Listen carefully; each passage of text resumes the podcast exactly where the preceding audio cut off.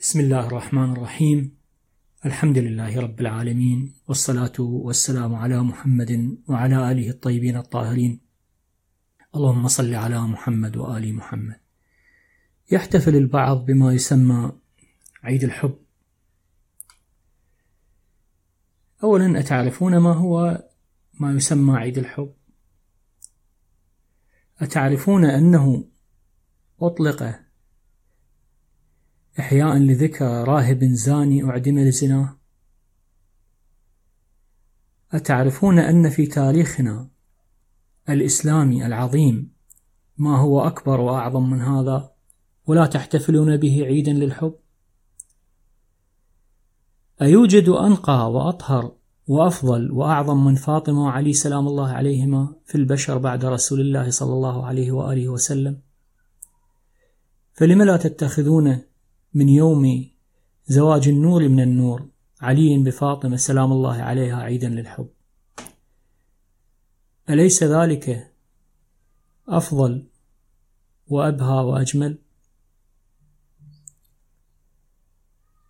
من هو فالنتاين هذا حتى تتركوا رموزكم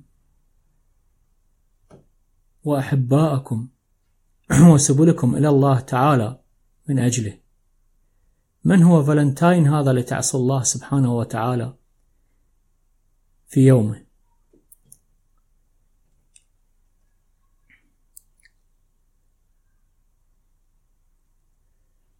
الحب في حياتنا هو قيمة عظيمة تتمثل في حب الله سبحانه وتعالى وحب رسوله وآل بيته. وإن هذا الحب الذي أعنيه هو ما يدفع إلى الإبداع ولا وإلى بناء الأوطان لا التفكك والتبذل والتهتك فيما يسمى يوم الفالنتاين. ما دهاكم وماذا حصل لكم؟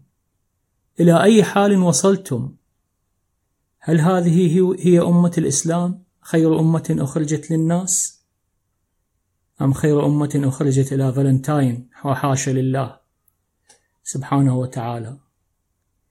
أهذا ردكم على من ضحى بكل شيء بشبابه بعياله يتم أبناءه ورمل نسائه من أجلكم ومن أجل عزتكم وكرامتكم كي تعودوا أنتم وتنكئوا جراحه حتى بعد أن استشهد وتمرغوا أنوفكم وكرامتكم في رمال فالنتاين وغيره.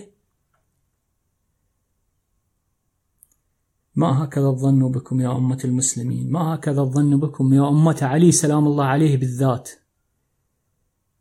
هيا يا أخوتي انبذوا هذه المناسبات التافهة وعودوا إلى أصلكم إلى نقائكم إلى تشيعكم العظيم الذي قهر امبراطوريات العالم إلى علي سلام الله عليه وفاطمة سلام الله عليها وزينب سلام الله عليها التي تحملت سياط الأعداء من أجل حجابها فقط.